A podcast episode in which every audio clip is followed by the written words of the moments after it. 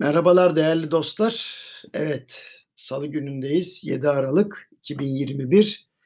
Şimdi enflasyon ciddi bir mesele dedim. Tabii başlığı görünce kardeşim biz tersini mi söylüyoruz diye serzenişte bulunan oluyor. Ancak çok ciddiye almamız gerektiğinin altını çizmek için bunu söyledim.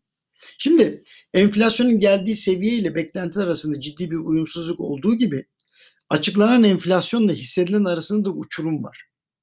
Bu açıdan bakıldığında enflasyonla alakalı bir yorum yazayım mı yazmayayım diye uzun uzun düşündüm ancak meseleyi görmezden gelmenin de imkansız olduğunu düşündüm ve bir analiz yaptım. Şimdi Kasım ayında en çok fiyatı düşen tarım ürünleri olmuş. Harcama grupları açısından da sıkı durun hiç düşüş gerçekleşmemiş. Yani her gruplar fiyat artışı olmuş.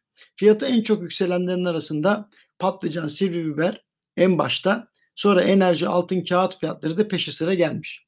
Harcama grubu olarak bakıldığında ise ulaştırma, lokanta ve oteller ilk sırada. Artışta tabii. Mevsimlik ürünlerde yükselmiş olması sebebiyle yani biliyorsunuz çekirdek enflasyon neydi? Mevsimine bakılmaksızın her ay mecburen satın aldığınız mal ve hizmetler ya.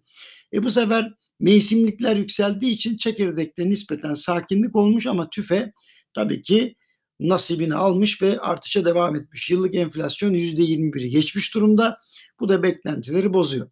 Herkes 2021 enflasyonu için şimdiden %25 olur demeye başladı. Tabii bu ay para piyasası kurulu toplantısı var. Burada faiz e, ne olacak? Herkes onu bekliyor. İşte Sayın Kavcıoğlu yine dedi ki pek az yerimiz kaldı veya işte umudumuz azaldı, faiz düşüremeyeceğiz galiba diyor ama ben yine bir 50 bas puanlık indirim bekliyorum. Benim için sürpriz olmaz. Şimdi üfede durum hiç iyi değil. Eğer eski yasa maddesi geçerliğine devam ediyor olsaydı üretici, üretici fiyatlarının %55 civarında olması aynı zamanda üfe tüfe bölü 2 olarak belirlen kiraların %40 zamlanacağı anlamına gelirdi. Bereket versin. Bugün artık 12 aylık tüfe ortalaması ile hesaplanıyor ama bu da taraflar arasında çetin müzakerenin olacağını bizlere göstermekte. Firmaların önemli bir kısmı şartlarını zorlayarak tüfe üzerinde ücret artışı da temin etmeye çalışıyor.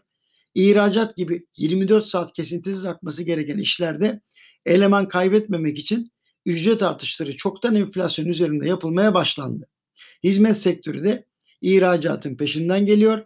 Zaten son büyüme rakamlarında her ikisinin de payı büyüktü. Şimdi tüm bu detaylara baktığımızda enflasyonun düşürülmesinin ne kadar önemli olduğu net olarak anlaşılıyor. Çünkü enflasyon başka dönemlerin de fiyat artışlarını yaratıyor. Dolayısıyla kronikleşiyor ve yapışkan hale geliyor. Önceliğin enflasyonda olduğunu söyleyen bizler için de tabii içleri acıtan bir durum ortaya çıkıyor. Yarın buluşmak üzere efendim.